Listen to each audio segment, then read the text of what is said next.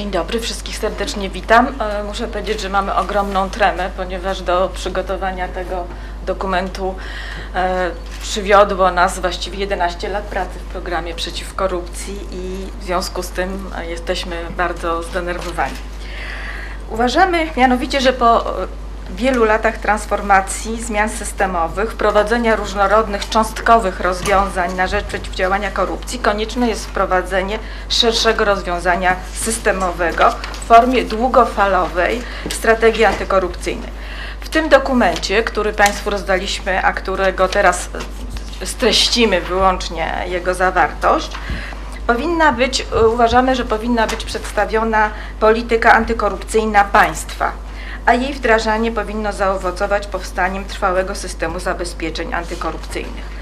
W naszym e, opracowaniu, tak jak powiedział e, już na wstępie pan Jacek Wojciechowicz, e, przedstawiamy zasady tworzenia i prawidłowego wdrażania strategii antykorupcyjnej. Następnie dajemy przykłady rozwiązań, które mogłyby posłużyć do przygotowania takiej właśnie antykorupcyjnej, długofalowej strategii dla Polski.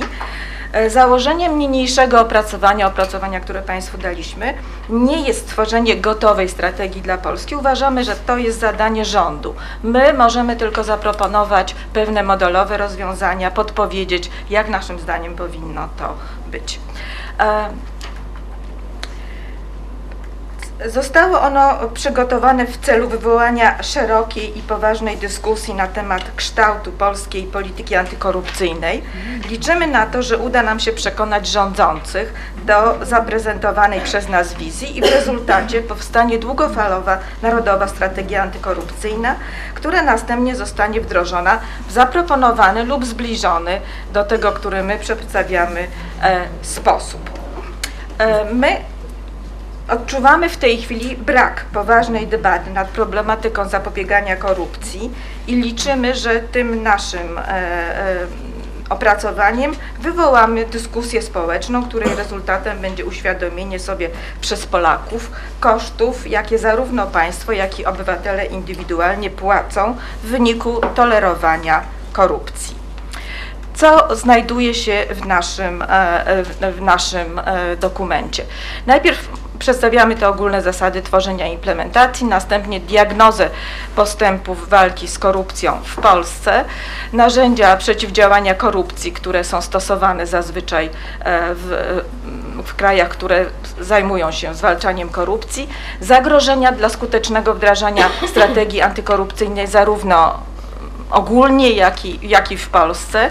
Następnie prezentujemy wizję, cele strategiczne oraz wskaźniki ich realizacji, główne dziedziny życia publicznego zagrożone według nas wystąpieniem korupcji, instytucje i pewne rozwiązania instytucjonalne, które mogą odegrać znaczącą rolę w przeciwdziałaniu korupcji, e, sposób wprowadzenia samej strategii, ocena realizacji celów i Przedstawiamy też cztery wybrane dziedziny życia publicznego, w których przykładowo pokazujemy, jak można by tam sformułować i, i, i pokazać realizację celów operacyjnych.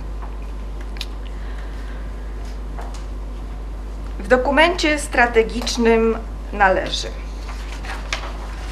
Obecnie chciałabym przejść e, do e, omówienia tego, co należałoby zamknąć w takim, e, w takim dokumencie strategicznym.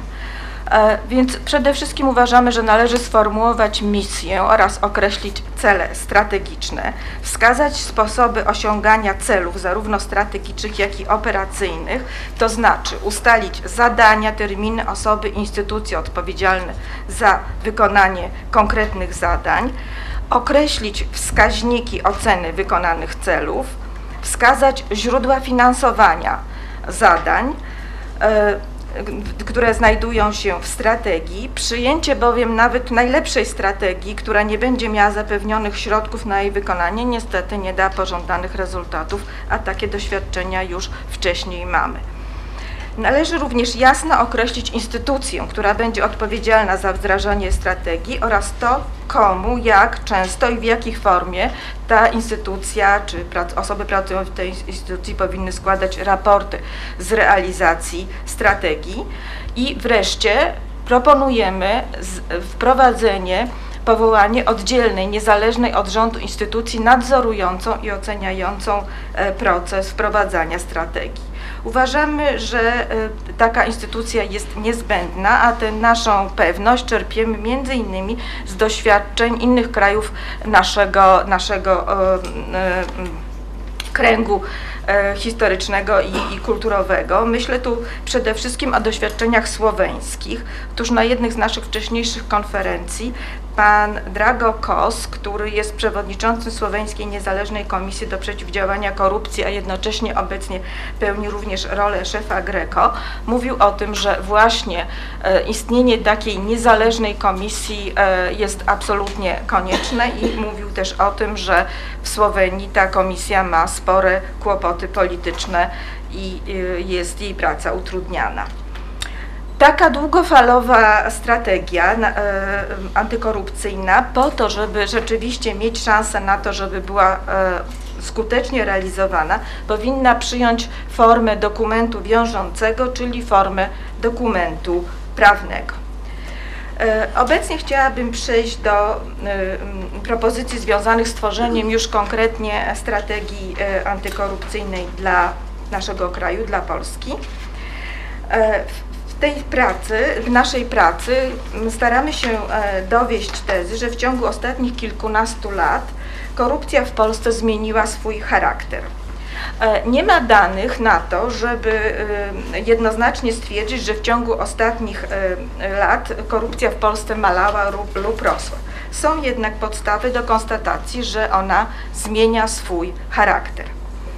Analiza napływających do programu przeciw korupcji listów, sygnałów, ale również danych policyjnych oraz doniesień prasowych składa nas do postawienia tezy, że korupcja urzędnicza, choć ciągle jest bardzo znacząca, przestaje być głównym e, wyzwaniem dla naszego kraju. Wprowadzane od kilku lat rozwiązania, takie jak na przykład oddzielenie głównie w urzędach samorządowych urzędników podejmujących decyzje od interesantów, wprowadzenie w policji fotoratarów, zakaz przyjmowania opłat za mandat w gotówce, czy zwiększenie dostępu do prywatnych usług medycznych oraz upowszechnienie się prywatnych pakietów medycznych do pewnego stopnia ograniczyły korupcję administracyjną, inaczej jeszcze nazywaną korupcją street level corruption. Ponadto ze ściganiem sprawców tego typu y, nasze organy dają sobie coraz lepiej y, radę. Natomiast problemem według nas, zgodnie z naszą wiedzą, pozostaje korupcja polityczna, zawłaszczenie państwa.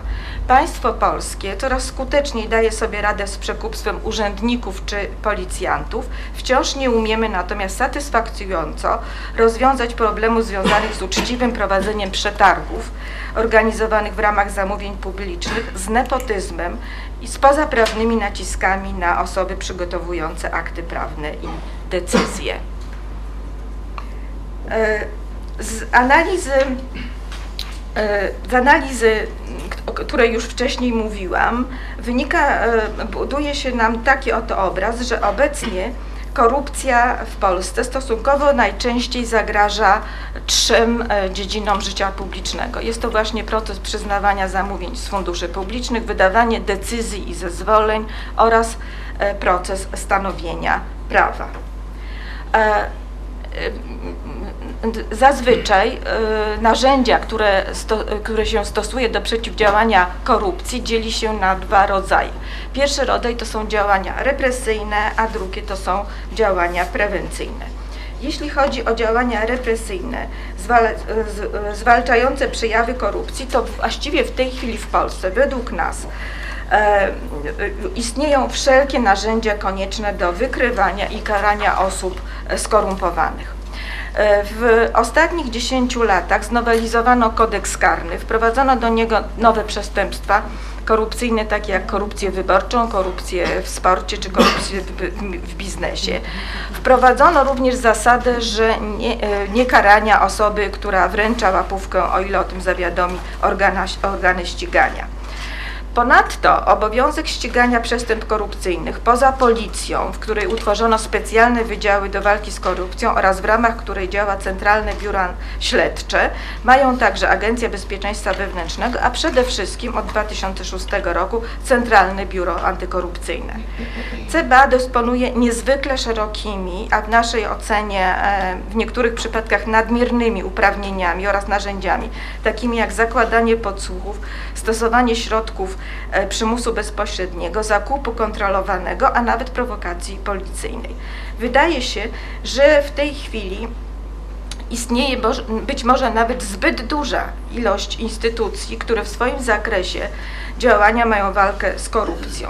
I to, czy walka z przejawami korupcji, czyli z tym, co już się wydarzyło, będzie skuteczna, czy też nie, zależy od umiejętności i możliwości wyżej wymienionych organów oraz woli polityków, e, politycznej zwierzchników tychże organów.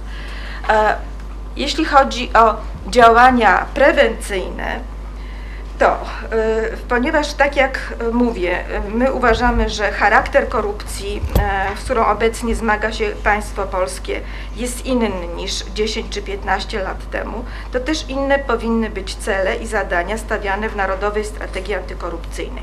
Uważamy, że obecnie znacznie większy nacisk należy położyć na działania prewencyjne, czyli działania ex ante.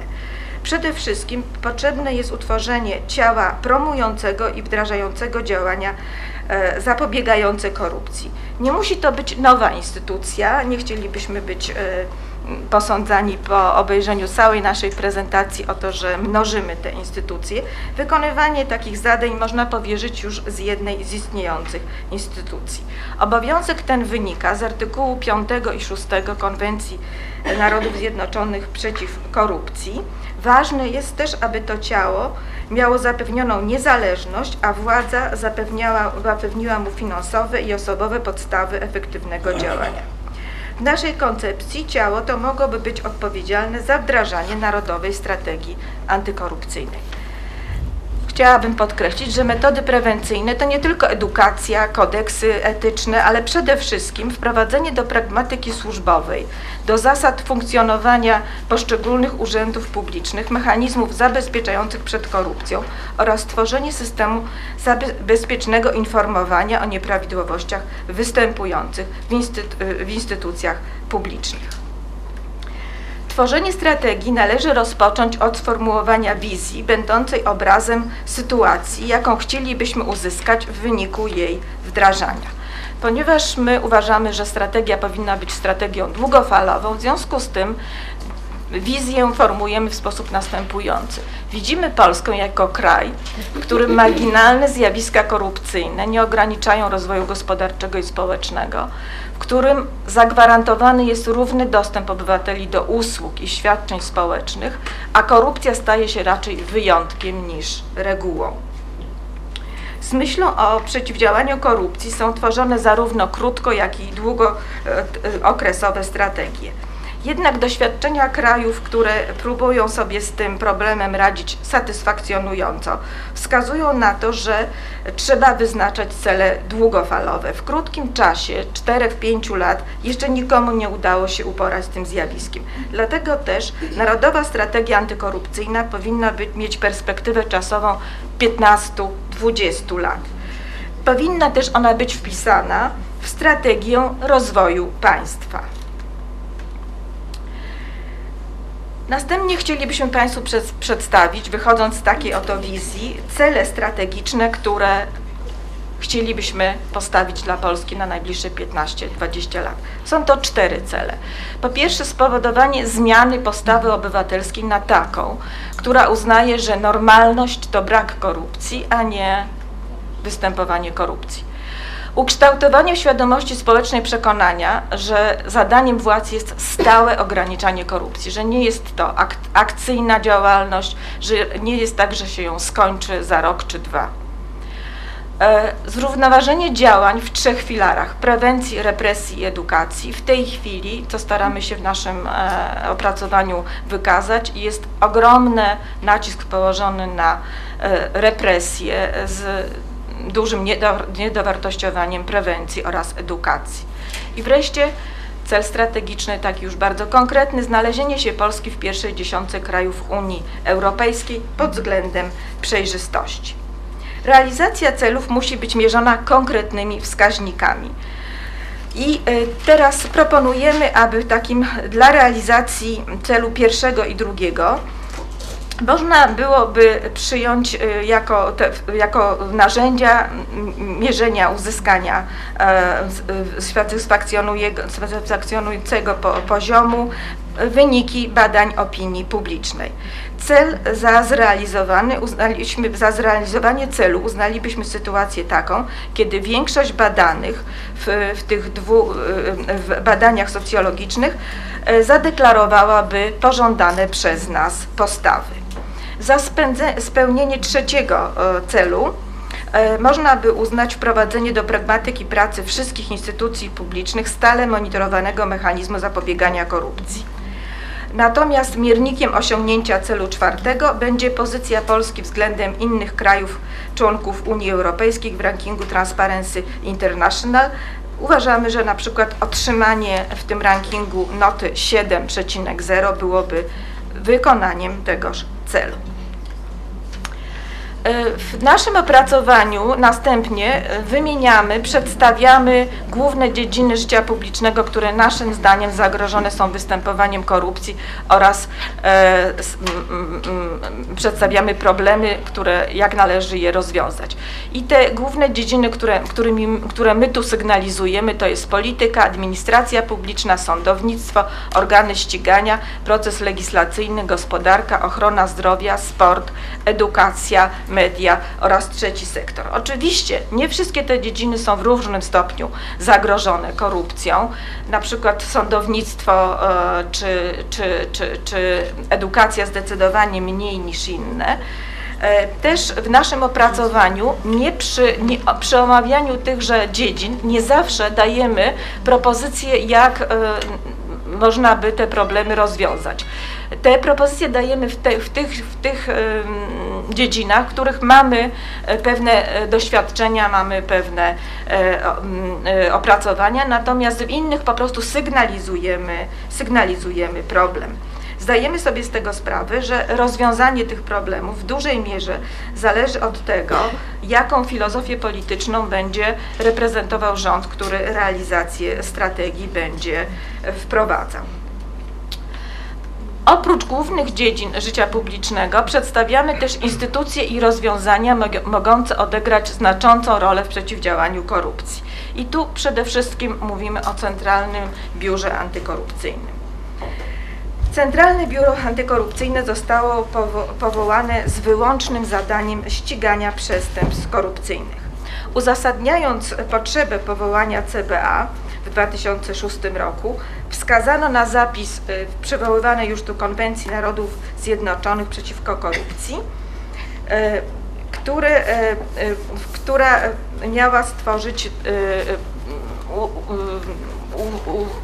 która miała spowodować to, że, że, że, że powołanie tego biura jest konieczne. Ta konwencja obliguje państwa, które ją ratyfikowały, a Polska ratyfikowała konwencję, do utworzenia ciała zajmującego się wprowadzaniem polityki antykorupcyjnej, czyli działań prewencyjnych, jest to artykuł 6, oraz utworzenia lub wydzielenia w istniejących organach ścigania jednostek do zwalczania przestępstw korupcyjnych, jest to artykuł 36. W Polsce wypełniono zapisy artykułu 36 tworząc w komendach wojewódzkich policji wydziały do walki z korupcją.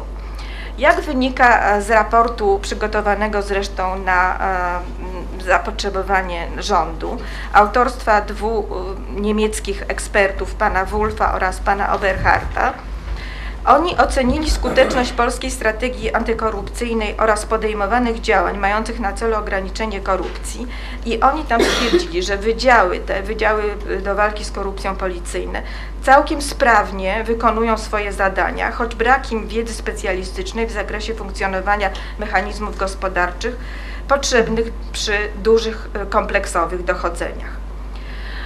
Polska natomiast nie wywiązała się z zobowiązania tejże konwencji, których, o której mowa w artykule 6 wzmocnienia działań prewencyjnych. CBA tylko marginalnie w swoich zadaniach ma działania prewencyjne. E, CBA tylko teoretycznie jedynie sygnalnie ma te działania prewencyjne. W praktyce do tej pory była służbą specjalną wykonującą te same zadania, co Wydziały do Walki z Korupcją, częściowo Centralne Biuro Śledcze, ale znacznie drożej i przy użyciu kontrowersyjnych narzędzi, takich jak na przykład prowokacja policyjna. Pojawia się wobec tego, skoro mamy tak krytyczny stosunek do CBA, pojawia się wobec tego pytanie, co dalej z CBA. I tutaj proponujemy w naszym opracowaniu dwa możliwe, dwa możliwe wyjść, dwie możliwe drogi. Pierwsza, bezpieczniejsza naszym zdaniem i dająca nadzieję na poprawę obecnej sytuacji, to znaczy zrównanie metod y, represyjnych z metodami prewencyjnymi, polegałaby na włączeniu CBA w struktury MSWiA, i chyba w celu skoncentrowania środków e, połączenia z wydziałami do walki z korupcją. Natomiast odrębnie, e, zgodnie z, przepis, z zapisami obowiązującej nas konwencji, należałoby utworzyć niezależny urząd do spraw prewencji antykorupcyjnej. E, drugie wyjście polegałoby na faktycznym rozszerzeniu pracy CBA o zadania prewencyjne i edukacyjne. To zadanie wydaje się jednakże e, czysto teoretycznie tylko możliwym, ponieważ wymagałoby całkowitego przebudowania służby. Istniejące w niektórych krajach wielofunkcyjne agencje do walki z korupcją dopracowały się tego modelu działania, mm, który równo traktuje wszystkie trzy e, e, zadania, to znaczy edukację, ściganie i prewencję.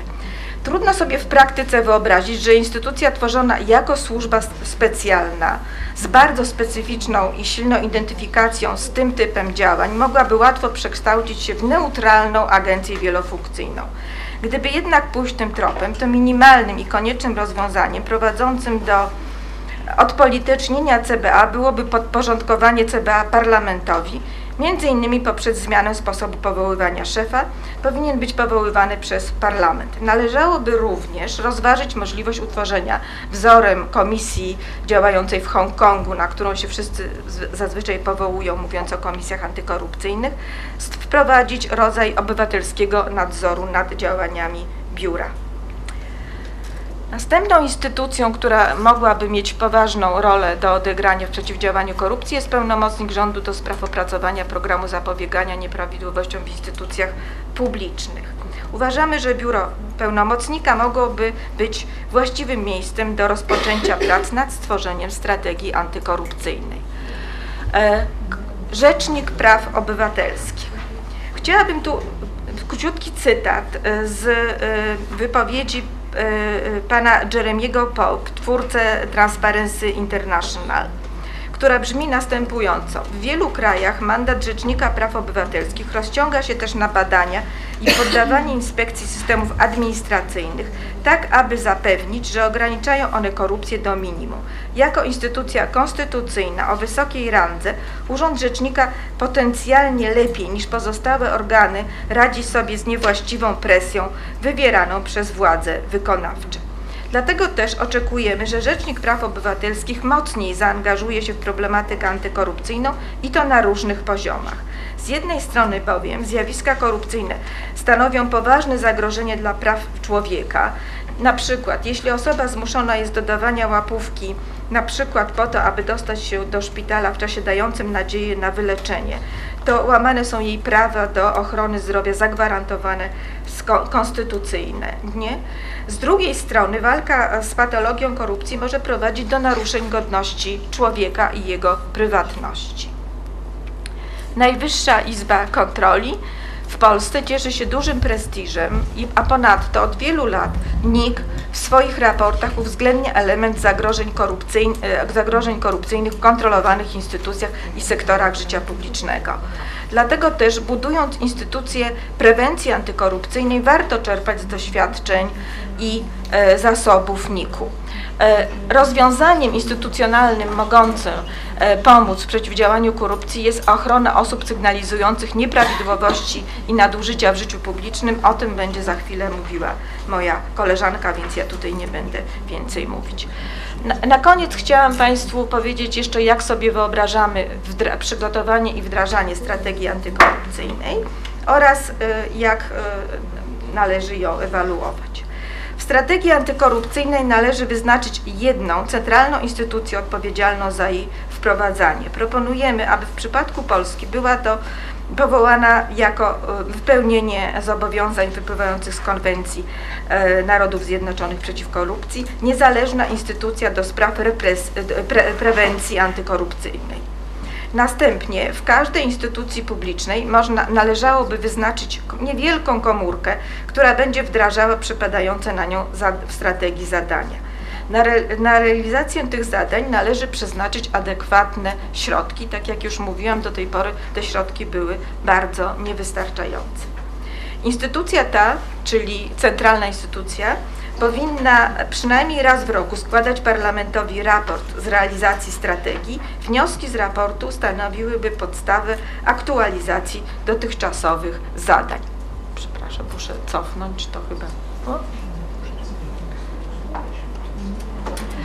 I teraz ostatnia już rzecz to, aby móc właściwie ocenić stopień realizacji strategii, konieczne jest wprowadzenie zarówno ewaluacji wewnętrznej, jak i ewaluacji zewnętrznej. W tym celu trzeba zbudować system e, monitorujący postęp implementacji. Musi ona zawierać mierzalne kryteria oceny. Oprócz ewaluacji wewnętrznej potrzebna jest ewaluacja zewnętrzna. Postulujemy powołanie niezależnej od, od, rządu instytucji oceniającej proces wdrażania rządowej strategii antykorupcyjnej. Ciało to złożone z kilku ekspertów, w Słowenii takich ekspertów jest czterech, mogłoby przygotowywać co roku ocenę realizacji strategii z wyszczególnieniem podstawowych sukcesów, problemów i czynników ryzyka wraz z propozycją dalszych działań. Jeśli pojawi się taka potrzeba, powinno też e, opracowywać wnioski w kwestii pociągnięcia do odpowiedzialności za niewykonanie bądź nieefektywne wykonanie strategii w organach państwowych. Instytucja taka powinna mieć swój sekretariat niewielki oddzielny budżet. Niezależną kontrolę zewnętrzną postępów w realizacji strategii prowadziłyby też w ramach kontroli obywatelskiej media i organizacje pozarządowe aby było to możliwe, wszystkie dokumenty związane z przygotowaniem i implementacją strategii należy niezwłocznie udostępniać w, bio, w, bio, w biuletynie informacji publicznej. E, w kolejnej części naszego opracowania przedstawiamy już bardzo konkretne e, cele i sposoby realizacji w czterech dziedzinach. Dwie, dwie z nich pokrótce przedstawią moi koledzy. Dziękuję bardzo.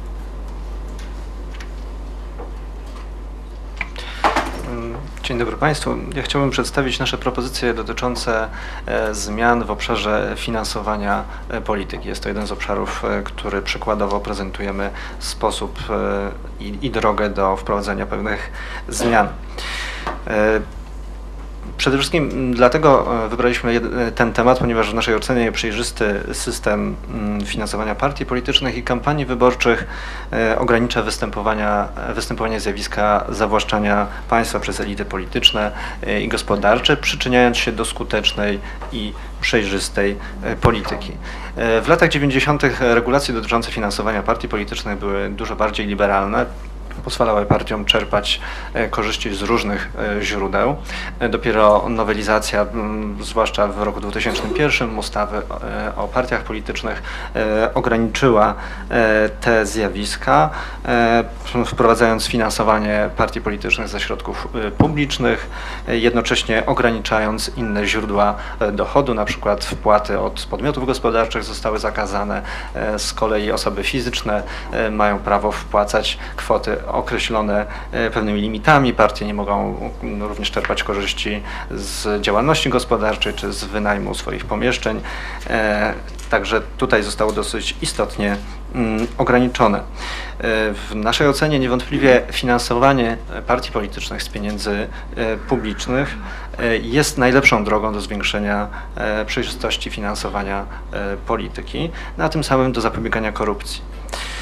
E, można powiedzieć, że dzięki, jest to rodzaj umowy społecznej, gdzie mm, z jednej strony są partie polityczne, po drugie jest społeczeństwo, które przekazując dosyć duże środki, oczekuje od e, partii nieposzukiwania środków na swoją działalność od innych, z innych źródeł, czy chociażby w biznesie.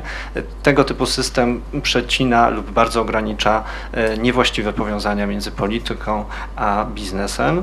Wydaje nam się, że w tym, w, przy takim modelu e, politycy nie zaciągają zobowiązań właśnie wobec biznesu, które przyszłoby im potem spłacać wobec swoich darczyńców kosztem interesu publicznego i to na różnym poziomie, czy to na poziomie wyborów krajowych, czy samorządowych.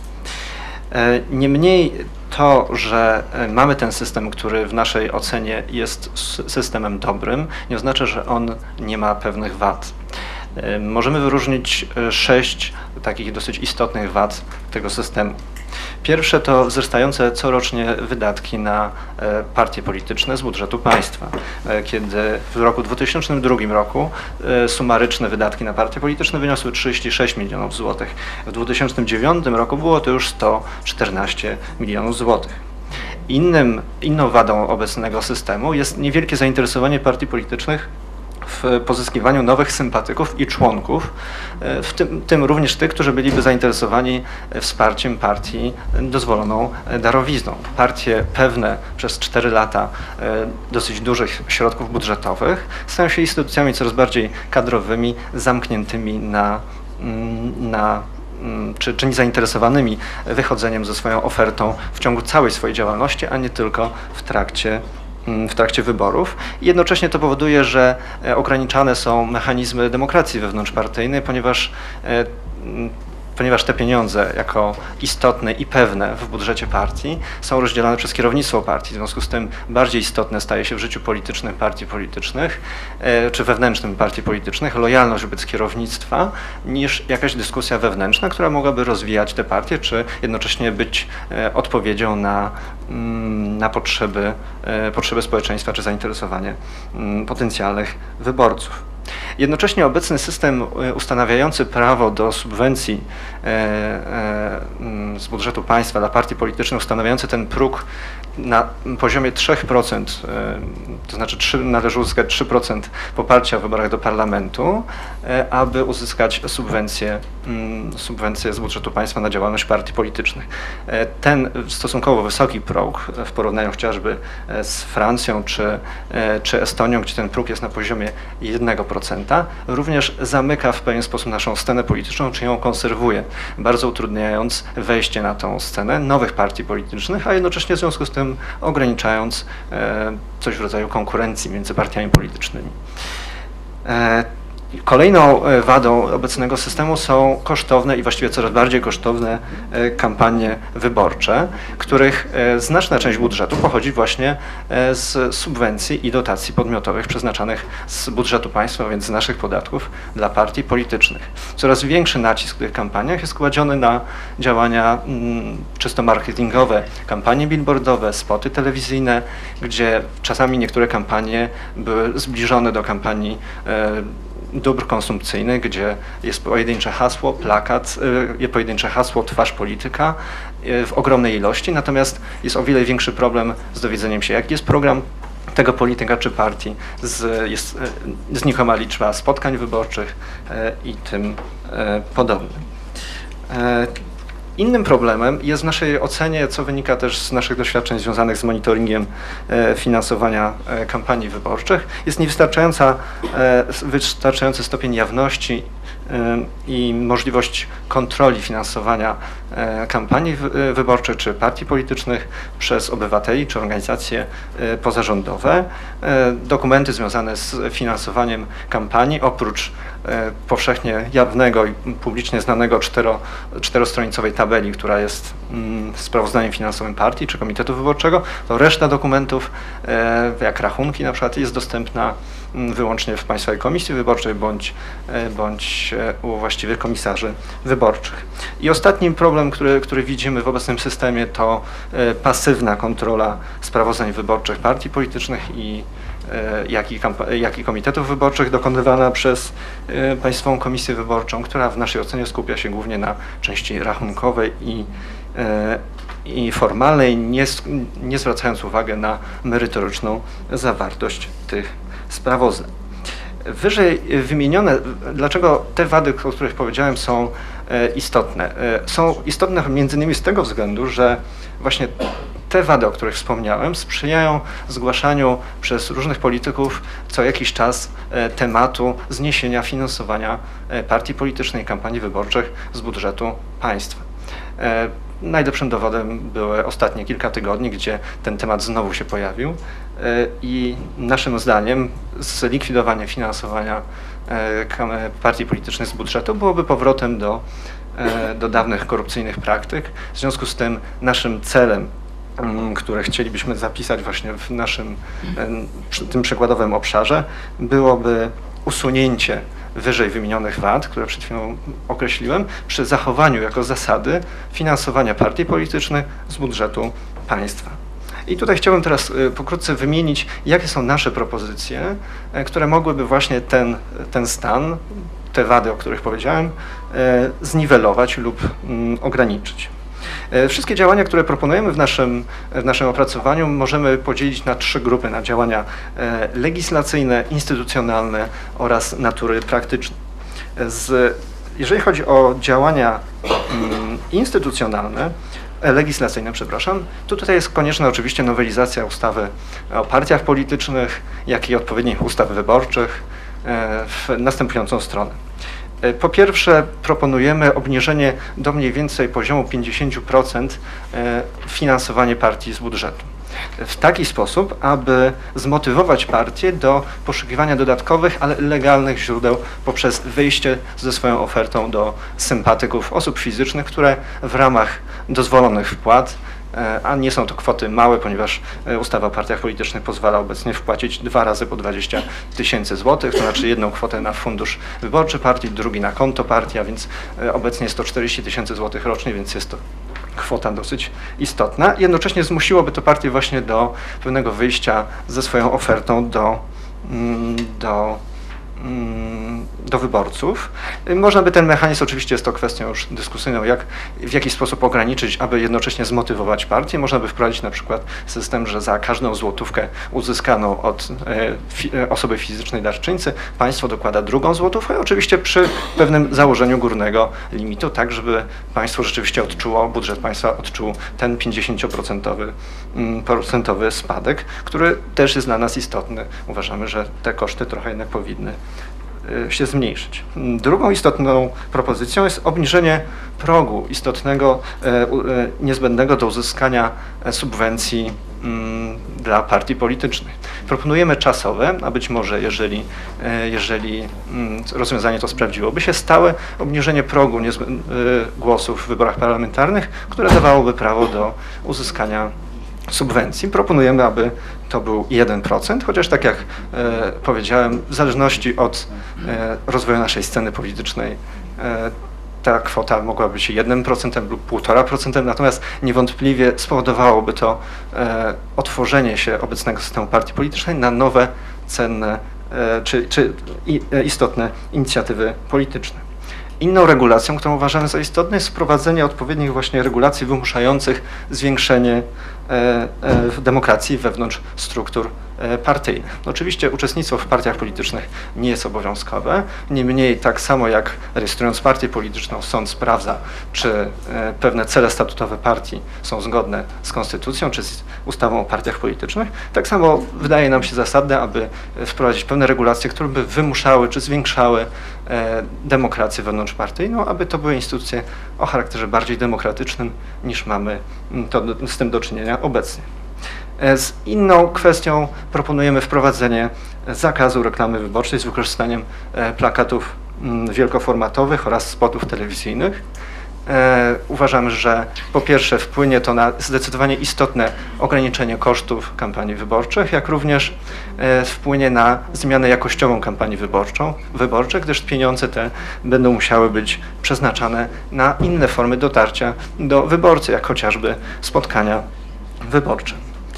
E, jeżeli chodzi o zwiększenie jawności e, finansowania kampanii wyborczych partii politycznych, proponujemy, aby dane darczyńców partii politycznych były dostępne w internecie, oczywiście na stronie PKW bądź partii politycznych, oczywiście z poszanowaniem e, danych osobowych, tych, prywatności tych osób, a więc ograniczając na przykład do imienia, nazwiska, miejscowości zamieszkania. Chciałbym zauważyć, że już takie rozwiązanie funkcjonowało w ostatnich wyborach prezydenckich, gdzie komitety wyborcze miały obowiązek podawania listy mm, darczyńców.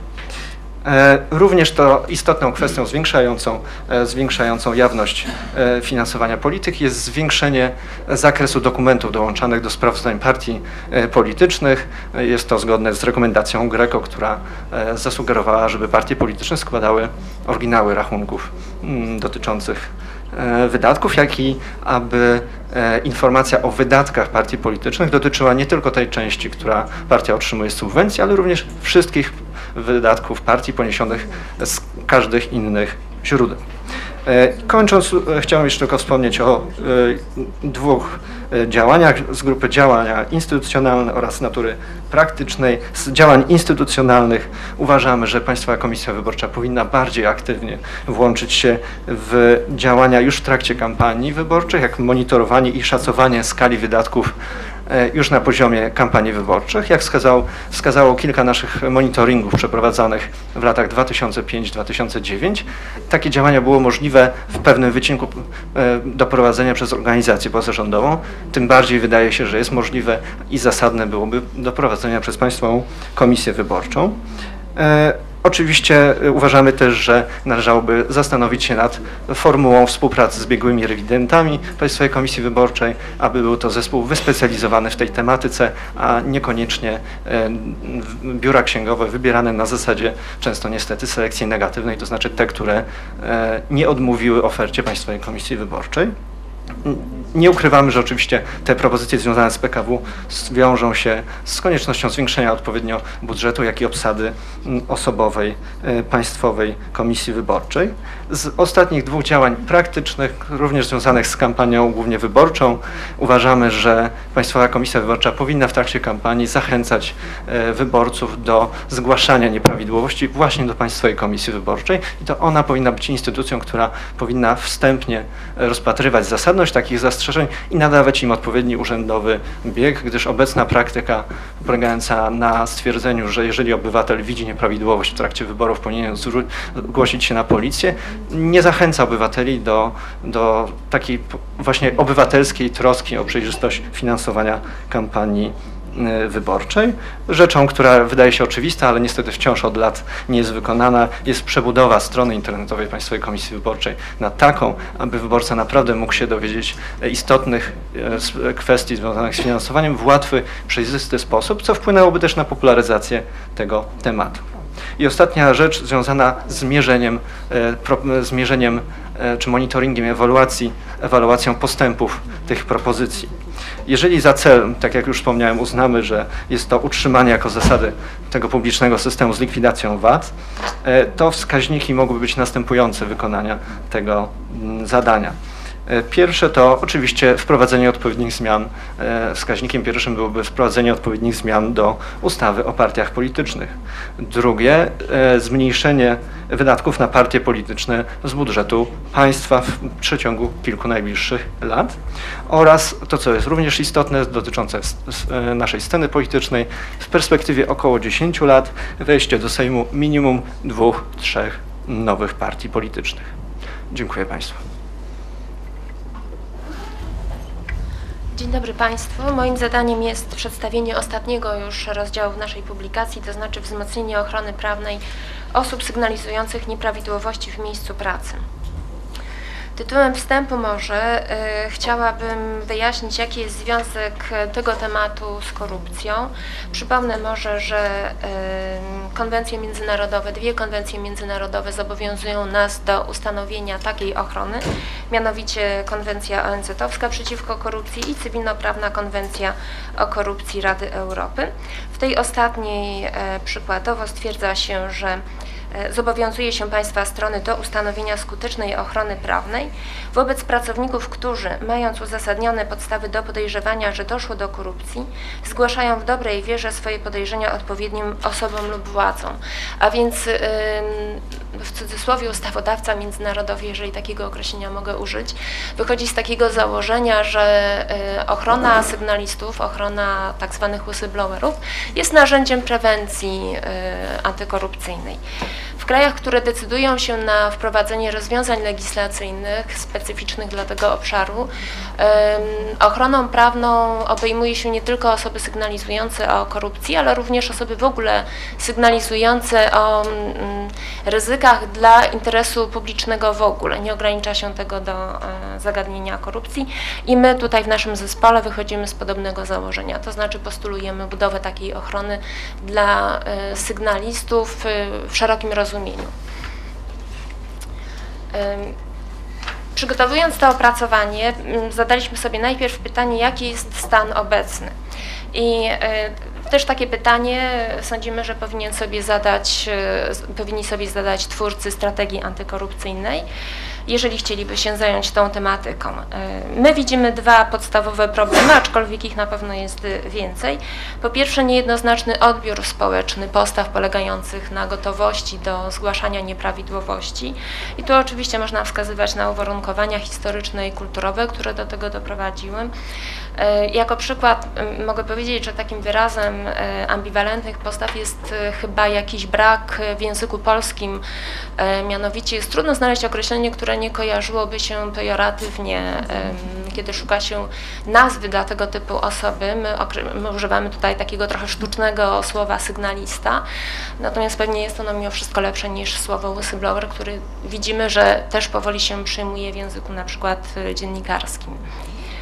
E, drugim problemem, który widzimy, to jest e, niewystarczająca jednak ochrona prawna sytuacji zawodowej sygnalisty. Jest to niewystarczająca ochrona prawna w sensie jakościowym, to znaczy okazuje się, że osoby, które sygnalizują nieprawidłowości, następnie idą do sądu pracy, bo tylko tam mogą liczyć na jakąkolwiek ochronę, no dosyć rzadko ją uzyskują. E, I również ta ochrona jest niewystarczająca z tego powodu, że obejmuje dosyć wąski katalog e, osób, mianowicie na taką ochronę i też szczątkową mogą liczyć pracownicy i też nie wszyscy, dlatego że pracownicy, którzy są zatrudnieni na umowach terminowych, e, no automatycznie są wyłączeni z tej ochrony. Pracodawca tutaj może, nie podając żadnych przyczyn, po prostu zwolnić taką osobę. E, wyłączeni z ochrony prawnej są e, ci, którzy pracują na umowach cywilnoprawnych, a też na przykład osoby, które e, wykonują pracę w ramach e, własnej działalności gospodarczej, bo tak często też bywa, że stosunek pracy zastępuje się, buduje się taką trochę sztuczną konstrukcję i osoba, która de facto, która prowadzi działalność gospodarczą formalnie, jakby wykonuje ją mm, przy takim założeniu, które charakteryzuje stosunek pracy. Niezależnie od tego, że przepisy polskiego prawa są dosyć słabe, jeśli chodzi tutaj o tę ochronę sytuacji zawodowej, to można też wskazać na kilka takich przepisów rozsianych po całym systemie prawnym, które e, no, mogą budować bariery w uzyskaniu ochrony. Pierwszy, na który chciałabym wskazać, to są przepisy, przepisy kodeksów etyki zawodowej. E, przykładem jest na przykład artykuł 52 kodeksu etyki lekarskiej, który no, w sposób istotny ogranicza swobodę wypowiedzi i prawo do krytykowania kolegów z korporacji zawodowej. E, oczywiście pamiętamy o tym, że kilka lat temu Trybunał Konstytucyjny wypowiedział się na temat tego przepisu, stwierdzając, że o ile, że w zakresie, w którym ogranicza on konstruktywną krytykę, jest niezgodny z konstytucją, niemniej obecność i tego przepisu i innych przepisów e, w kodeksach e, etyki zawodowej innych korporacji no, powoduje no, taki efekt, powiedziałabym, e, odpychający i od, e, zniechęcający do krytykowania e, kolegów. Inny przepis, który taką barierę w uzyskiwaniu, który może zniechęcać do sygnalizowania nieprawidłowości, jest przepis zawarty w kodeksie karnym, który penalizuje który określa przestępstwo pomówienia. Tutaj można powiedzieć no, rzecz dość oczywistą, ja to po prostu przypominam w tej chwili, że Europejski Trybunał e, Praw Człowieka wielokrotnie rekomendował e, ograniczenie e, penalizacji, to znaczy no, przynajmniej wyłączenie kary pozbawienia wolności, a najlepiej gdyby, gdyby ochronę prawną czci ograniczyć do e, środków cywilnoprawnych. Tak twierdzi Europejski Trybunał Praw Człowieka.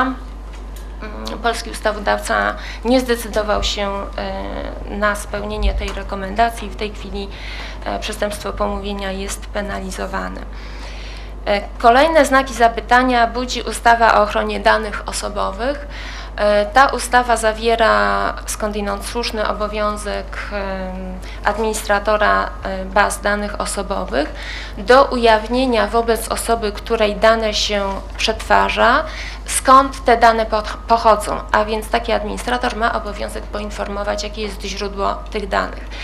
E, przepis jest bardzo szeroko sformułowany i przy no, literalnej e, interpretacji tego przepisu należałoby wyjść z założenia, że na przykład pracodawca, który chciałby wprowadzić wewnętrzne e, kanały informowania o nieprawidłowościach, musiałby e, pracownika, wobec którego pojawiają się zarzuty, poinformować skąd te zarzuty się wzięły, a więc powiedzieć, że na przykład jego podwładny poinformował, że ta osoba konkretna na przykład jest odpowiedzialna za nadużycia.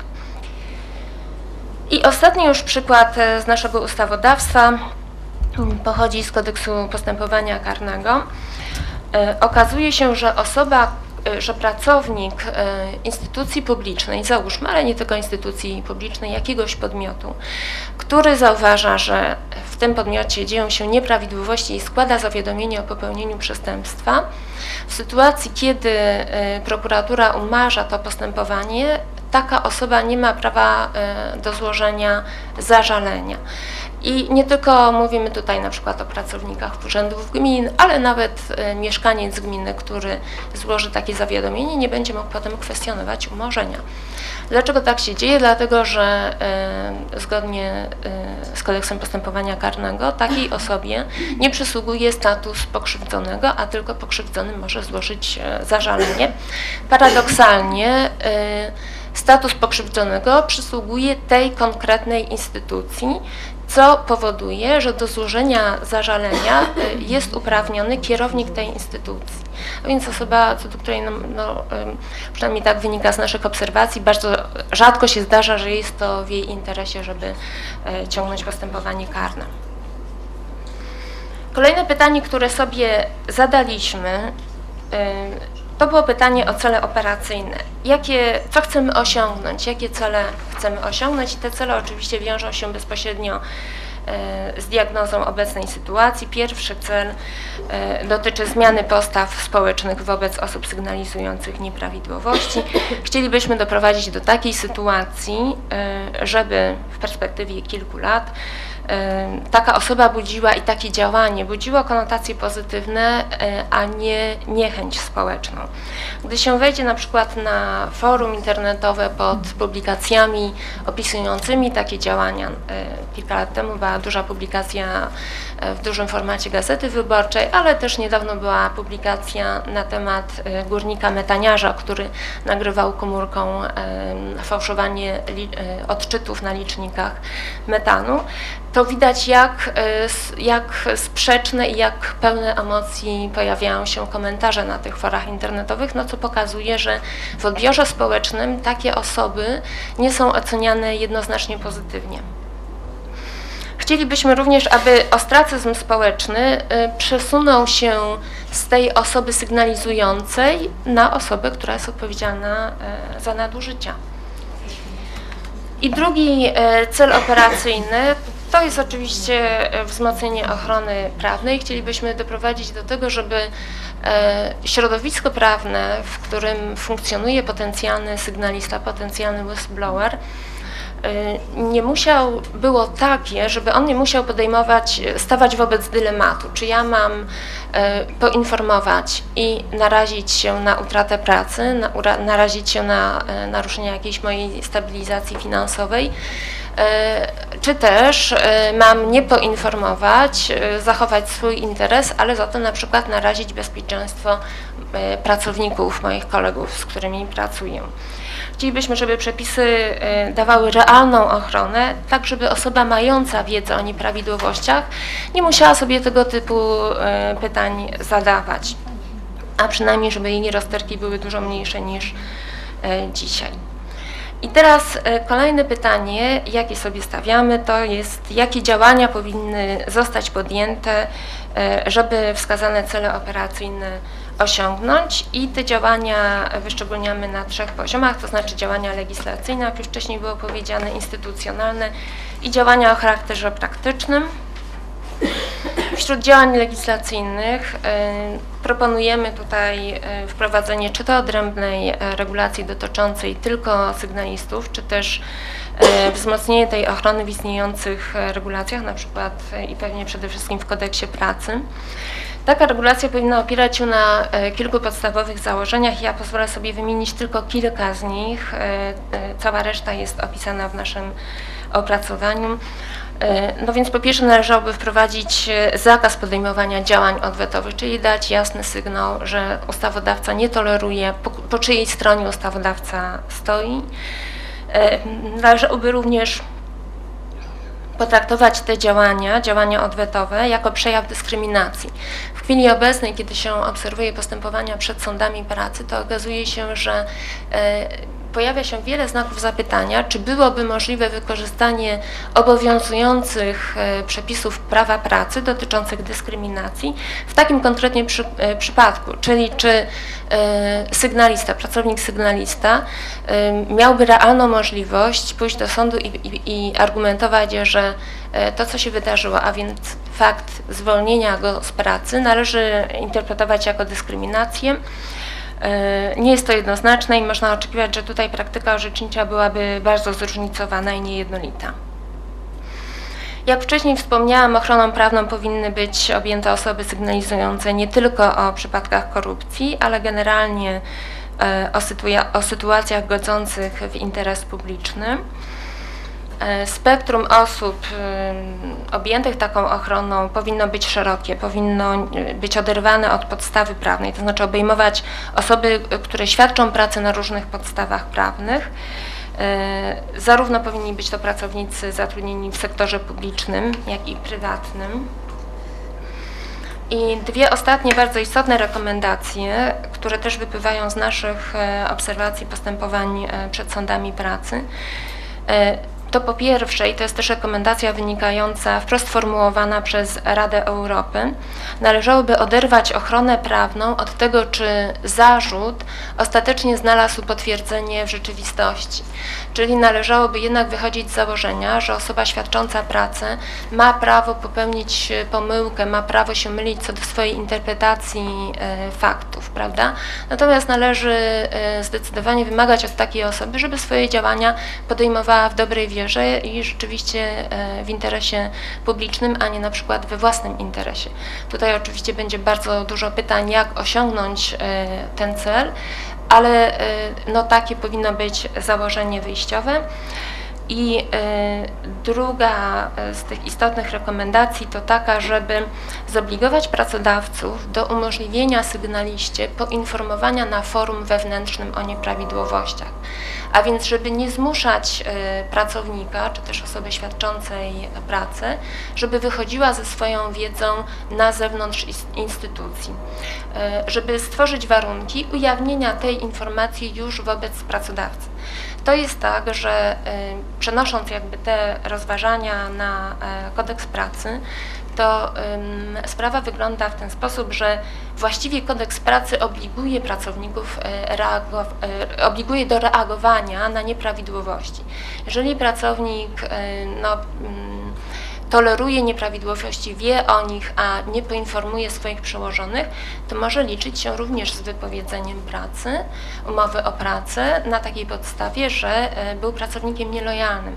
A wobec tego, jeżeli się nakłada taki ciężar na pracownika, to należałoby mu również podpowiedzieć, w jaki sposób on ma informować. W praktyce okazuje się, że e, ludzie mm, y, Sygnaliści mają problem z rozróżnieniem tym, co jest konstruktywną krytyką, a tym, co jest działaniem już tak naprawdę godzącym w interes e, pracodawcy i naruszającym e, dobry wizerunek e, pracodawcy.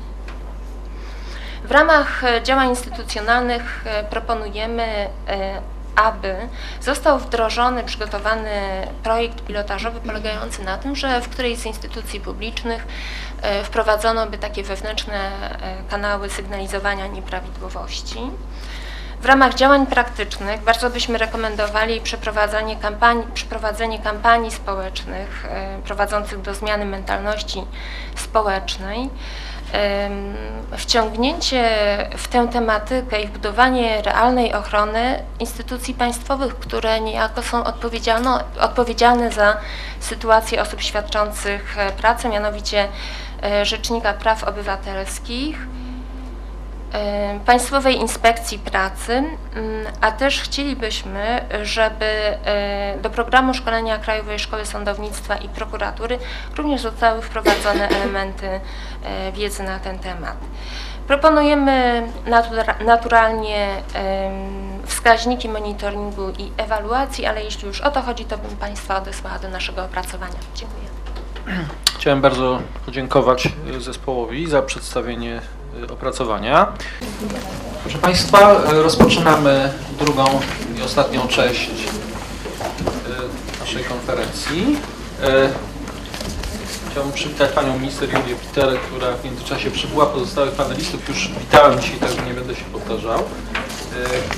Zanim przejdziemy do komentarzy na temat opracowania przygotowywanego przez zespół programu przeciw korupcji Fundacji Batorego, chciałem powiedzieć tylko tyle, że ta propozycja strategiczna, tak jak mówię, to jest, e, tak jak wspominałem wcześniej, jak mówiła Pani Grażyna Kopińska, jest w pewnym sensie propozycją, mm, bardziej pewnym wzorcem do działania, który można zastosować e, i mamy nadzieję, że ona zostanie podjęta, ten temat zostanie podjęty, zresztą mamy tak dużą reprezentację tutaj, że jestem pewna, że ten temat zostanie podjęty. Natomiast w sensie pewnych działań historycznych chcę powiedzieć, że jest to kolejne podejście do strategii dla Polski. Ta historia już jest w tej chwili ponad dziesięcioletnia. E, e, to się chyba rozpoczęło raportem Banku Światowego z 1999 roku, gdzie były pewne propozycje strategiczne. Potem była próba takiej mini strategii e, robionej przez Komitet Ekonomiczny Rady, Rady Ministrów, która została częściowo wdrożona. Potem była antykorupcyjna grupa robocza, z której paru członków mamy, mamy przyjemność dzisiaj gościć, między innymi pana posła Ludwika Dorna. E, wreszcie strategia przygotowana przez rząd, jej dwie części. Chcę też powiedzieć z przyjemnością, że z tych strategii coś zostało, to znaczy pewne działania zostały wdrożone w większej lub mniejszej sferze. Sądzę, że między innymi to, że e, zostało rozdzielone stanowisko prokuratora generalnego od ministra sprawiedliwości e, i szereg innych rzeczy. To jest również związane z tym, że te propozycje były, e, znajdowały się w poprzednich strategiach. Natomiast już w tej chwili nie chcę Państwu zabierać więcej czasu i od razu proponuję, żebyśmy przeszli do w pewnym sensie recenzji. Ponieważ jesteśmy spóźnieni, ja proponuję, abyście Państwo ograniczyli swoje wypowiedzi mniej więcej do 12 minut, jeżeli można. Ja będę kontrolować czas i tak jak już mówiłem, rozpoczniemy od y, pani dr Kai Gadowskiej, z Uniwersytetu Jagiellońskiego z Instytutu Socjologii, która była recenzentem tejże pracy, także bardzo proszę Pani doktor. Witam Państwa bardzo serdecznie. Jak już tutaj wspomniano, recenzowałam pierwszą wersję strategii antykorupcyjnej. Jeśli idzie y, o zasady tworzenia i wdrażania tejże strategii, czy może wcześniej, ta, ta, strategia skierowana jest do rządu i do opinii publicznej, jak już mówiła e, dyrektor programu pani Grażyna Kopińska. Celem było rozpoczęcie publicznej dyskusji nad kształtem polityki antykorupcyjnej i sądzę, obserwując tutaj licznie zgromadzoną publiczność, że ten cel już został osiągnięty, że ta dyskusja zostanie zapoczątkowana, a powtórę chodzi tutaj o powstanie długofalowej w perspektywie 15 bądź też nawet i 20 lat strategii antykorupcyjnej dla Polski. To, co przedstawiała pani dyrektor Kopińska wraz z młodymi współpracownikami, nie jest oczywiście gotową strategią, bo to jest zadaniem rządu. Ta strategia w moim odczuciu zawiera bardzo rzetelną diagnozę obszarów korupcji, zawiera równie rzetelną ocenę dotychczasowych postępów w walce z korupcją, prezentuje tutaj pewną wizję, długoterminowe cele strategiczne, ale jeszcze, co szczególnie istotne, jasno sformułowane cele operacyjne w takich dziedzinach życia publicznego, które zostały uznane za najbardziej narażone na korupcję. I jak już mieliśmy uwagę, okazję tutaj usłyszeć, autorzy tejże strategii, tej propozycji, tego modelu proponują tutaj, rozpisali te zadania na działania legislacyjne, działania instytucjonalne i działania praktyczne, czyli model ma bardzo klarowny i przejrzysty charakter. Mamy również w tym modelu mechanizmy monitorowania i ewaluacji postępów wykonywania zadań strategii mamy jasno określone wskaźniki, które nam w tym mają pomóc. Poza tym w modelu położono nacisk na działania prewencyjne, co jest szczególnie istotne, większe aniżeli na działania punitywne, na które kładziono nacisk do tej pory. Jeśli idzie o poziom korupcji w Polsce, posłużyłam się tutaj planszą, którą, którą przygotowali właśnie autorzy programu, możemy powiedzieć, że w rankingu Transparency International od 2005 roku pozycja Polski sukcesywnie polepsza się, ale powiedziałabym, że jest to, jest to trend, który daje się już zaobserwować na przestrzeni pięciu lat, ale na ile jest trwały, tego jeszcze nie wiemy, więc nie jest to w dalszym ciągu sytuacja, która zwalnia nas z zajmowania się problemem korupcji. Na tle innych krajów właśnie Polska w chwili obecnej wypada bardzo dobrze, jak Państwo tutaj widzicie. Natomiast nie wiadomo, jak już wspominałam, czy ten trend będzie trendem stałym, a poza tym, jeśli weźmiemy pod uwagę kraje skandynawskie, no to ciągle ten właśnie współczynnik percepcji korupcji jest w Polsce dość wysoki. A poza tym Chciałam tutaj odwołać się do badań opinii publicznej o korupcji. Otóż jedna trzecia Polaków uważa, że walka z korupcją jest najważniejszym problemem, którym winien się zająć rząd. To są wyniki badań z 2009 roku. Prawie jedna trzecia uważa przyjęcie nowego prawa antykorupcyjnego za najważniejsze zadanie parlamentu. 52% Polaków z kolei sądzi, że obecny klimat polityczny sprzyja w walce z korupcją, więc wypada to wykorzystać, mimo że właśnie tutaj 25% jest przeciwnego zdania i mówi, że brak w chwili obecnej politycznej woli do podjęcia wysiłków na rzecz ograniczenia korupcji. No niewątpliwie trzeba powiedzieć, że przeciwdziałanie korupcji nie jest takim właśnie najwyższym priorytetem obecnego rządu. W raporcie Polska 2030, na co zresztą zwracali uwagę autorzy tego modelu strategii, nie traktuje się tutaj korupcji jako zadania rozwojowego i sprawa zapobiegania korupcji pojawia się w rozdziale Sprawne Państwo w takim fragmencie, który dotyczy stanowienia prawa w sposób przejrzysty, jasnej interpretacji. Chciałam jeszcze tutaj dodać, że w opinii ponad 60, no 60% Polaków korupcja najbardziej rozpowszechniona jest wśród polityków, wśród działaczy partyjnych, wśród posłów, senatorów i radnych, ale jak mówię, jest to tylko właśnie przekonanie publiczne, więc być może tak źle to nie rokuje dla wprowadzenia strategii. 26% badanych uważa, że korupcja rozpowszechniona jest w urzędach centralnych, 31% że w urzędach gminnych, powiatowych, wojewódzkich, no i oczywiście około 60% wskazuje, że tym najbardziej narażonym na korupcję obszarem jest służba zdrowia.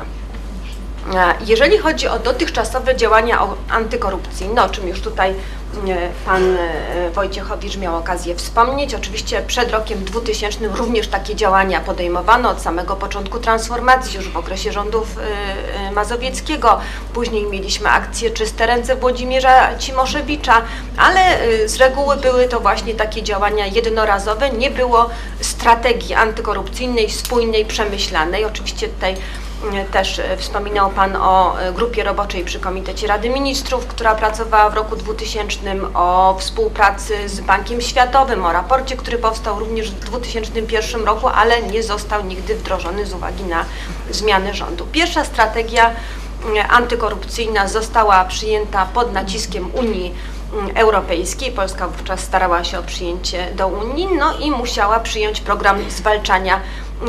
Był to program dosyć lakoniczny, ale, ale taki został właśnie tutaj przyjęty. W 2004 roku z kolei przyjęto e, program zwalczania korupcji, drugi etap wdrażania na lata 2005-2009 i ten program już był bardziej szczegółowy, przede wszystkim Wskazano konkretne obszary życia publicznego, wskazano, które są narażone na korupcję, wskazano cele ogólne, cele strategiczne, zaproponowano szereg zmian i zostały wyznaczone podmioty, które miały właśnie poszczególne zadania realizować. Natomiast, natomiast zwrócić należy uwagę i o tym też pisali e, autorzy e, właśnie modelu tworzenia korupcji, strategii antykorupcyjnej, że te działania w dużej mierze miały charakter fasadowy, że one były motywowane właśnie koniecznością spełnienia wymogów Komisji Europejskiej, że brak było zaangażowania przywództwa politycznego w realizację tych strategii, że pracownicy administracji też nie bardzo się w to angażowali, co wynikało e, między innymi z niepartycypacyjnego e, procesu tworzenia tego programu. Poza tym z uwagi na kilkukrotną zmianę rządów i zmianę koncepcji walki z korupcją, no ten program był właśnie realizowany w sposób właśnie, e, powiedziałabym, niespójny. Kolejne ekipy rezygnowały z pomysłów poprzedników. A poza tym brak było w owych programach formalnych mechanizmów rozliczania jednostek odpowiedzialnych za realizację konkretnych działań i co szalenie istotne, brak było wyodrębnionych środków budżetowych na realizację tej strategii. I odnosząc się właśnie do tych mankamentów, y, autorzy tutaj starają się w zaproponowanym y, modelu programu antykorupcyjnego no, uciec przed tymi wszystkimi y, ograniczeniami.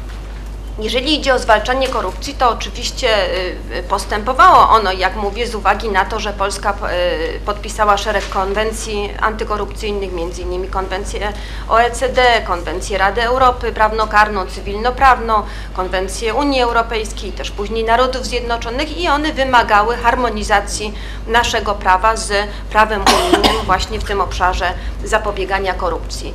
Ten proces był również monitorowany przez GRECO, był monitorowany przez y, Komisję Europejską. Y, obydwie te instytucje y, formułowały rekomendacje, kolejne rządy na te rekomendacje odpowiadały, ale jak mówię, nie zmienia to faktu, że większość działań miało charakter właśnie pewnych rozwiązań prawnych, które zostały przyjmowane, a nie szły za tym właśnie głębsze, głębsze zmiany. Natomiast po przystąpieniu Polski do Unii to tempo jakby nieco zmalało, tempo wdrażania regulacji antykorupcyjnych, zabrakło tej e, motywacji.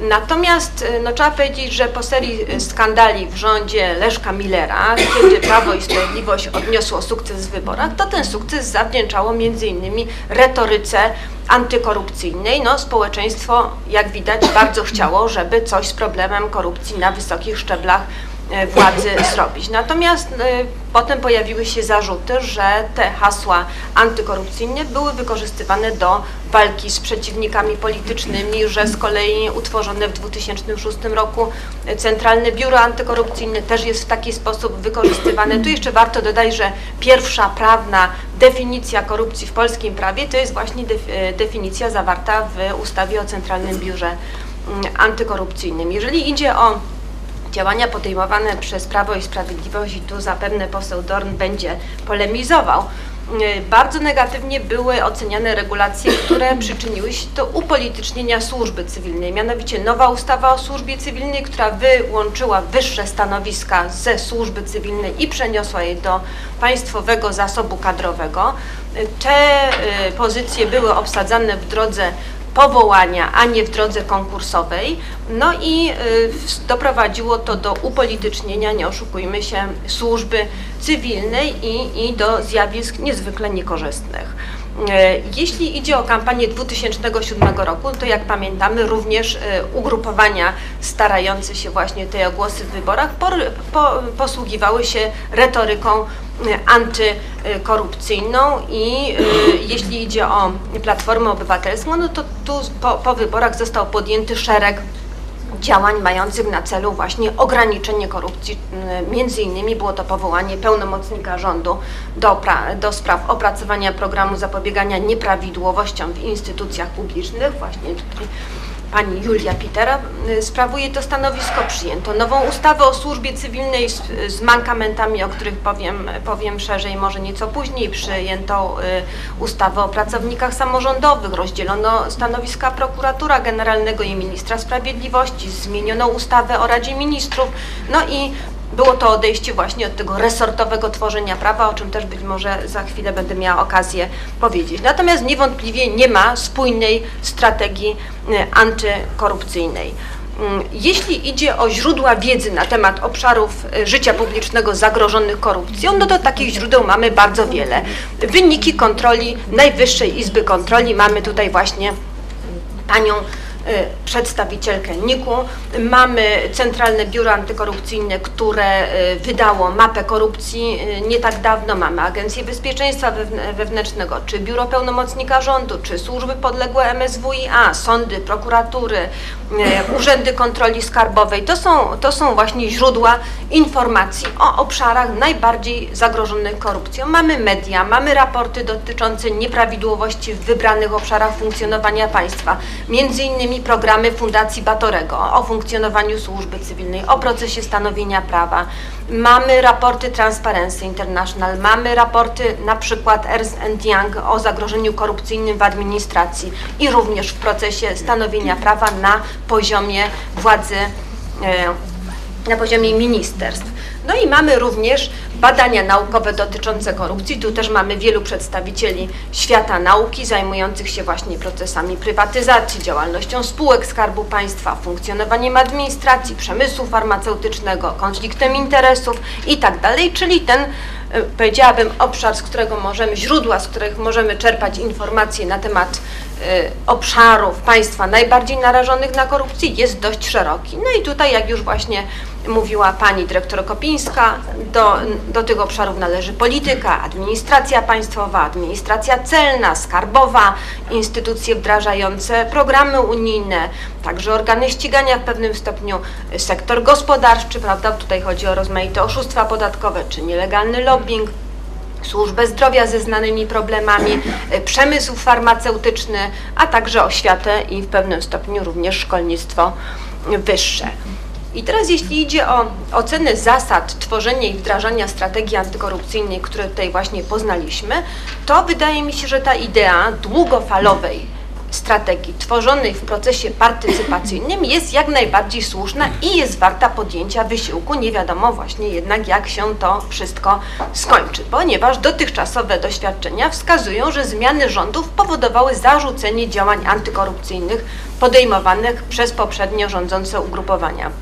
Stąd zachodzi obawa, że nawet jeśli taką długoterminową strategię uda się przyjąć, nawet jeśli będzie ona poprzedzona ogólnospołeczną debatą, nawet jeśli dojdzie do ponadpartyjnego konsensusu, no to nie uchroni to właśnie przed brakiem kontynuacji działań antykorupcyjnych w przyszłości. Ale nie jest to argument na rzecz tego, by zaprzestać tworzenia właśnie takich modeli, wręcz przeciwnie. Należy takie wysiłki podejmować. Jak mówię, na y, bardzo dobrą ocenę y, zasługuje fakt, że tutaj jasno zostały sformułowane cele operacyjne, że mamy propozycje działań legislacyjnych, instytucjonalnych, praktycznych. Mieliśmy okazję tutaj wysłuchać przykładów prezentowanych przez młodych współpracowników pani, pani dyrektor Kopińskiej, że określony jest termin realizacji zadań, że wskazane są podmioty odpowiedzialne za wykonanie owych zadań, że mamy mechanizmy monitorowania, mechanizmy ewaluacji y, w postępach właśnie tej wykonywania zadań strategii, we wdrażaniu tychże zadań, no i że kładzie się nacisk na charakter partycypacyjny tworzenia tej strategii, że nie jest to strategia odgórna. Y, Jak wspominałam, autorzy modelu proponowali już się zbliżam do końca, y, wprowadzenie instytucji odpowiedzialnej za opracowanie takiej długoterminowej, długofalowej strategii. Wskazywali na Biuro Pełnomocnika Rządu do spraw opracowania programu zapobiegania nieprawidłowościom. Ciekawa jestem zdania pani poseł Pitery w tej kwestii. Y, Mamy y, też postulat wyznaczenia centralnej instytucji odpowiedzialnej za implementację strategii. Tak się stało na przykład na Węgrzech i ta instytucja działała całkiem nie najgorzej. Mamy propozycję wyznaczenia w każdej instytucji publicznej komórki odpowiedzialnej za wdrażanie określonych zadań i z tym można spodziewać się pewnych problemów organizacyjnych właśnie. No i mamy postulat bardzo istotny zapewnienia środków finansowych, albowiem poprzednie strategie y, swój umiarkowany sukces zawdzięczają właśnie między innymi temu, że nie szły za nimi środki na ich realizację. Mamy też postulat bardzo dobrej ewaluacji zewnętrznej w odwołaniu do przykładów Słowenii, takiej niezależnej instytucji y, zatrudniającej ekspertów, która taki y, proces y, implementacji strategii miałaby oceniać. Mamy ewaluację również przez media, przez organizacje pozarządowe i uważam, że jest to pomysł godny wprowadzenia. Jeśli idzie o komentarz do, do, do, do konkretnych rozwiązań, to tutaj w większości proponowane przez autorów tego modelu rozwiązania uważane są, uważam, za, za słuszne, aczkolwiek w kilku tutaj e, sprawach miałabym odrębną opinię. Być może będziemy mieli szansę wrócić do tego w dyskusji. E, Chodzi tutaj o, o ustawę o służbie cywilnej, między innymi o, o proces właśnie tej stanowienia prawa, który jest niewolny od rozmaitych nadużyć. Jak wiemy, e, pamiętamy aferę Rywina i trudności w ustaleniu, gdzie zostało dopisane słowo lub sformułowanie lub czasopisma. E, Mamy szereg przykładów rozporządzeń, które powstały na zamówienie konkretnych właśnie tej grup interesów, jak powiedzmy sobie rozporządzenie wydane przez Ministerstwo Gospodarki, które spowodowało, że serwisowanie maszyn górniczych e, miało być dokonywane zgodnie z literą prawa wyłącznie przez, przez podmioty, które, e, firmy, które te maszyny dostarczały, co spowodowało znaczący właśnie wzrost kosztów eksploatacji i, i, i, napraw tych maszyn. Wszystko działo się zgodnie z literą prawa. Najwyższa Izba Kontroli wykryła ten proceder. No, mamy, pamiętamy nieprawidłowości przy tworzeniu listy leków e, refundowanych w Ministerstwie Zdrowia. Ta lista powstaje na zasadzie rozporządzenia, więc tego typu właśnie tej rzeczą należy się dokładnie przyjrzeć i sformułować e, metody uniknięcia takich sytuacji na przyszłość. Jeśli idzie o uwagi końcowe, to jak mówię, e, przedstawienie tego modelu na forum publicznym będzie, no w moim odczuciu, rozpocznie taką publiczną debatę nad kształtem polityki antykorupcyjnej. Jak ta debata się będzie dalej toczyła, to się okaże. Jestem co do tego optymistyczna. Czy przyczyni się do powstania długofalowej strategii, tego tutaj nie możemy z góry właśnie określić. Chciałabym, żeby zaowocowało to chociaż przyjęciem spójnego rządowego programu antykorupcyjnego z wykorzystywaniem rozwiązań proponowanych przez autorów modelu. Bardzo dziękuję. Bardzo dziękuję Pani doktor Gadowskiej. Chciałem również zwrócić uwagę, że strategia, jak i te poprzednie strategie zakładają to, że walka z korupcją może być tylko efektywna w momencie, kiedy będzie to działanie ponadpolityczne i sama walka z korupcją nie stanie się, tak powiem, piłką w grze politycznej. Y, Tutaj y, od razu y, po doktor Gadowskiej chciałbym oddać głos pani minister Julii Piterze, pełnomocnikowi rządu do spraw opracowania programu zapobiegania nieprawidłowościom w instytucjach publicznych. Bardzo proszę pani minister. Dzień dobry Państwu, dziękuję. Ja może zacznę od tego, że powiedziałabym, że są dwie płaszczyzny w ogóle problemu korupcji. Jedna to jest mentalna, a druga nazwałabym ją systemową. Mentalna to jest to, co, co bardzo trudno jest zmienić. To jest to podejście do sprawy nepotyzmu, podejście do tych wszystkich zagadnień, które do konfliktu interesów, które są z pogranicza tak naprawdę zachowań etycznych. I to jest coś, co jest trudne, bo bardzo trudno jest to uregulować przepisami prawa. Zwracam uwagę, że kodeks, kodeks pracy nie pozwala na przykład na podległość służbową członków rodzin. W związku z tym nawet na to urzędnicy znaleźli dość sprytne obejście, mianowicie polega to na tym, że zatrudniają krzyżowo swoich członków rodzin. I jest to problem dość już nagminny dzisiaj, głównie w urzędach samorządu terytorialnego, i ilekroć, ilekroć taka sytuacja jest przedmiotem skargi, na przykład Rady Powiatowej, I zwracam się z zapytaniem do starosty. Tyle razy mam potwierdzone, że owszem, rzeczywiście ta pani jest córką tego pana, a ta pani jest y, szwagierką tego pana, ale z punktu widzenia prawa do niczego nie doszło, ponieważ e, ponieważ nadzoruje to wicestarosta, który akurat, y, który akurat nie jest powiązany rodzinnie z taką panią albo z takim panem. Tak więc jest to trudne, bo to jest kategoria, która nie podlega w żaden sposób żadnym przepisom prawa. Jakiekolwiek próby uregulowania oczywiście by owocowały skargą do Trybunału Konstytucyjnego na ograniczenie praw urzędniczych, no bo prawda, te osoby mm, przeszły konkurs, przeszły weryfikacji przewidzianą prawem i niby wszystko jest w porządku, zdały i, i okej. E, Druga sprawa to jest sprawa systemowa i tutaj paradoksalnie nie jest tak źle. Em, W ramach, w ramach przeglądu e, tych błędów systemowych, które są w organach administracji publicznej, e, tak samorządowej, jak i państwowej, muszę powiedzieć, że ta sytuacja nie wygląda najgorzej. Em, I rzeczywiście ilekroć, ilekroć albo, y, albo są to działania planowe, albo są to działania doraźne ze względu na informację, która wpływa Są przeprowadzane kontrole, znaczy jest najpierw podejmowana wstępna weryfikacja, potem jest przeprowadzana kontrola organu, który jest do tego uprawniony, no bo samorząd terytorialny może być tylko de facto kontrolowany przez Regionalną Izbę Obrachunkową, względnie jeżeli doszło do, znaczy Najwyższą Izbą Kontroli też, natomiast mówię o pojedynczych, drobnych kontrolach, gdzie oczywiście nikt nie wchodzi, jeżeli to dotyczy jednej jednostki organu samorządu terytorialnego. Oczywiście są przypadki, że wchodzi, nie wiem, inspektor pracy, wchodzi kontrola skarbowa, bo są to rzeczy bardziej szczegółowo opisane czasami, Czasami wchodzi na przykład ym, y, Fundusz Zdrowia, bo dotyczy to y, powiatowej jednostki zdrowia, znaczy jednostki y, służby zdrowia albo y, gminnej i dotyczy na przykład jakichś kontraktów, y, jakichś spraw tego typu. Tak więc muszę powiedzieć, że w sensie systemu my nie znajdujemy szczególnych felerów. Oczywiście są przypadki, że tak jak na przykład w ustawie o zamówieniach publicznych y, y, stwierdziliśmy, że w kodeksie karnym brakuje przepisu, który pozwala karać za zamówienia inne niż przetarg, czyli na przykład wolna ręka i to jest ten artykuł 305a. Mam nadzieję, że niedługo, y, niedługo w kodeksie karnym, mam nadzieję, że niedługo y, ta sprawa będzie, y, będzie wreszcie zakończona, bo niestety jest tak, że urzędy pracują trochę wolniej niż przedsiębiorstwo prywatne i poza procedurami generalnie rzecz biorąc jest to typ trochę wolniejszy. Także czasami następuje ta naprawa przepisów, natomiast generalnie Problem polega na czym innym. Problem jest w nadzorze, w nieskuteczności nadzoru organów państwa.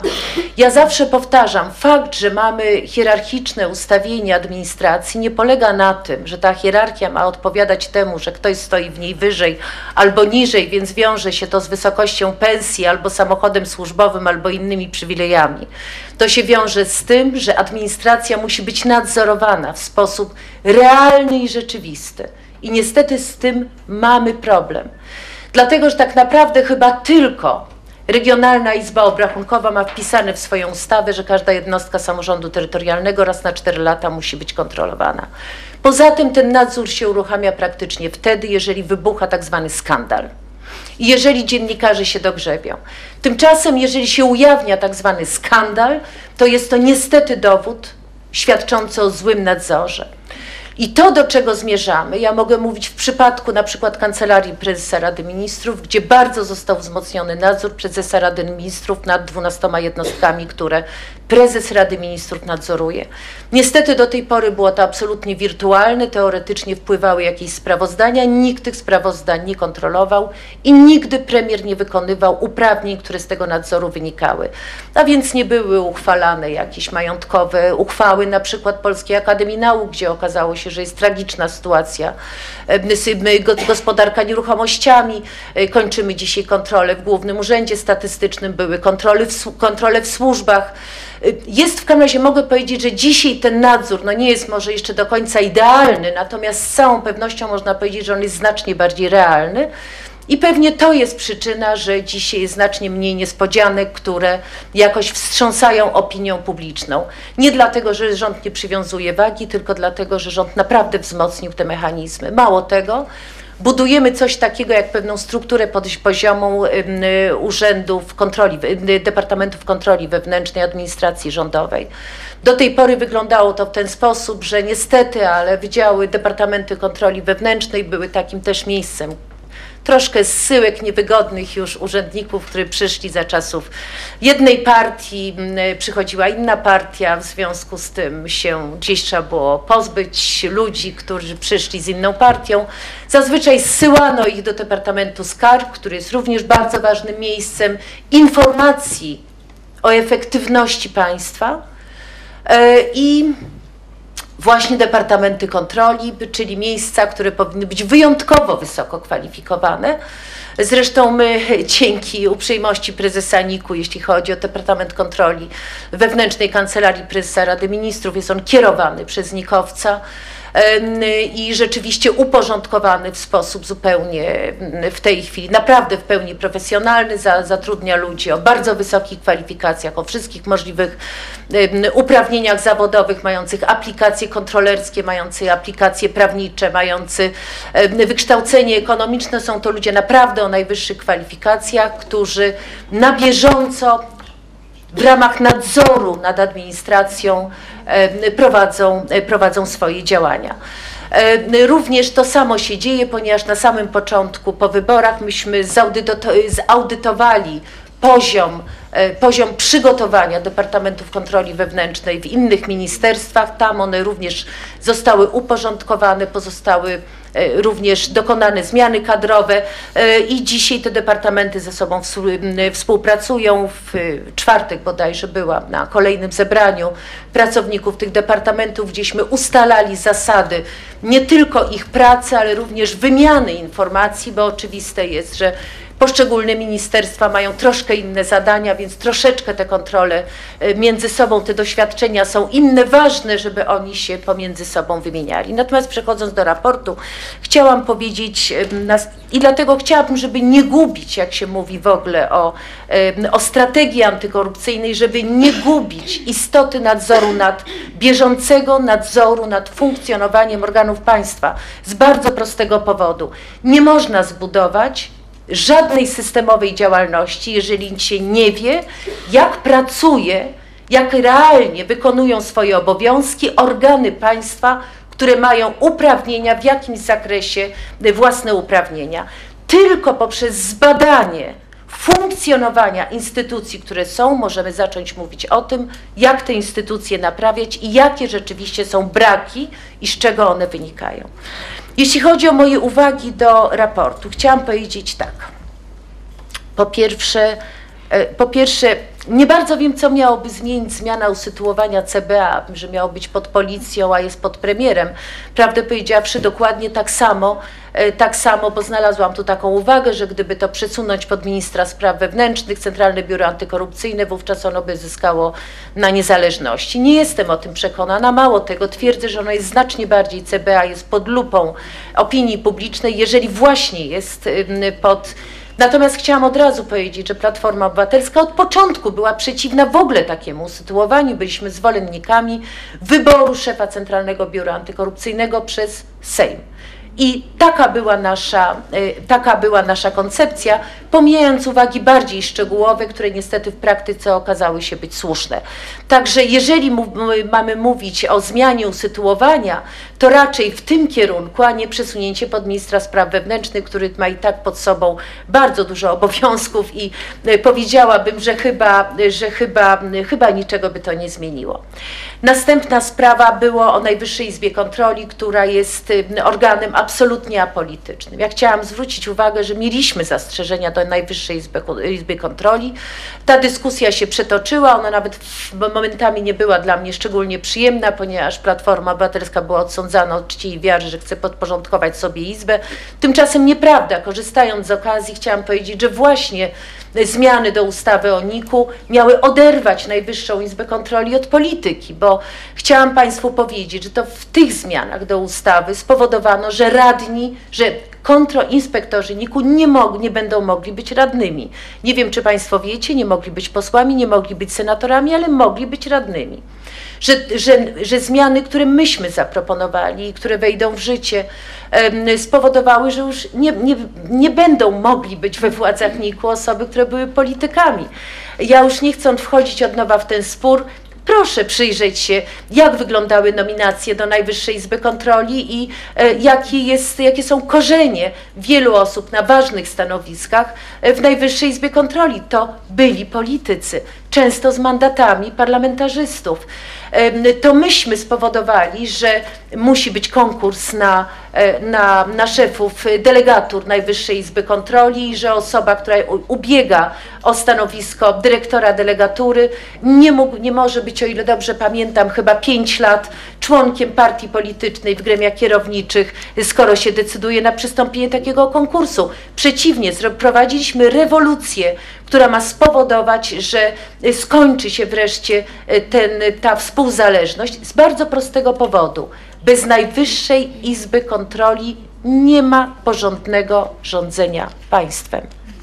I to jest poza wszelką dyskusją, ponieważ Najwyższa Izba Kontroli nie tylko y, bada pod kątem ewentualnych nieprawidłowości, ale również z ich zadań takich audytowych wynika to, że formułuje wnioski, które są szalenie przydatne dla celów, o których mówię, czyli naprawa państwa.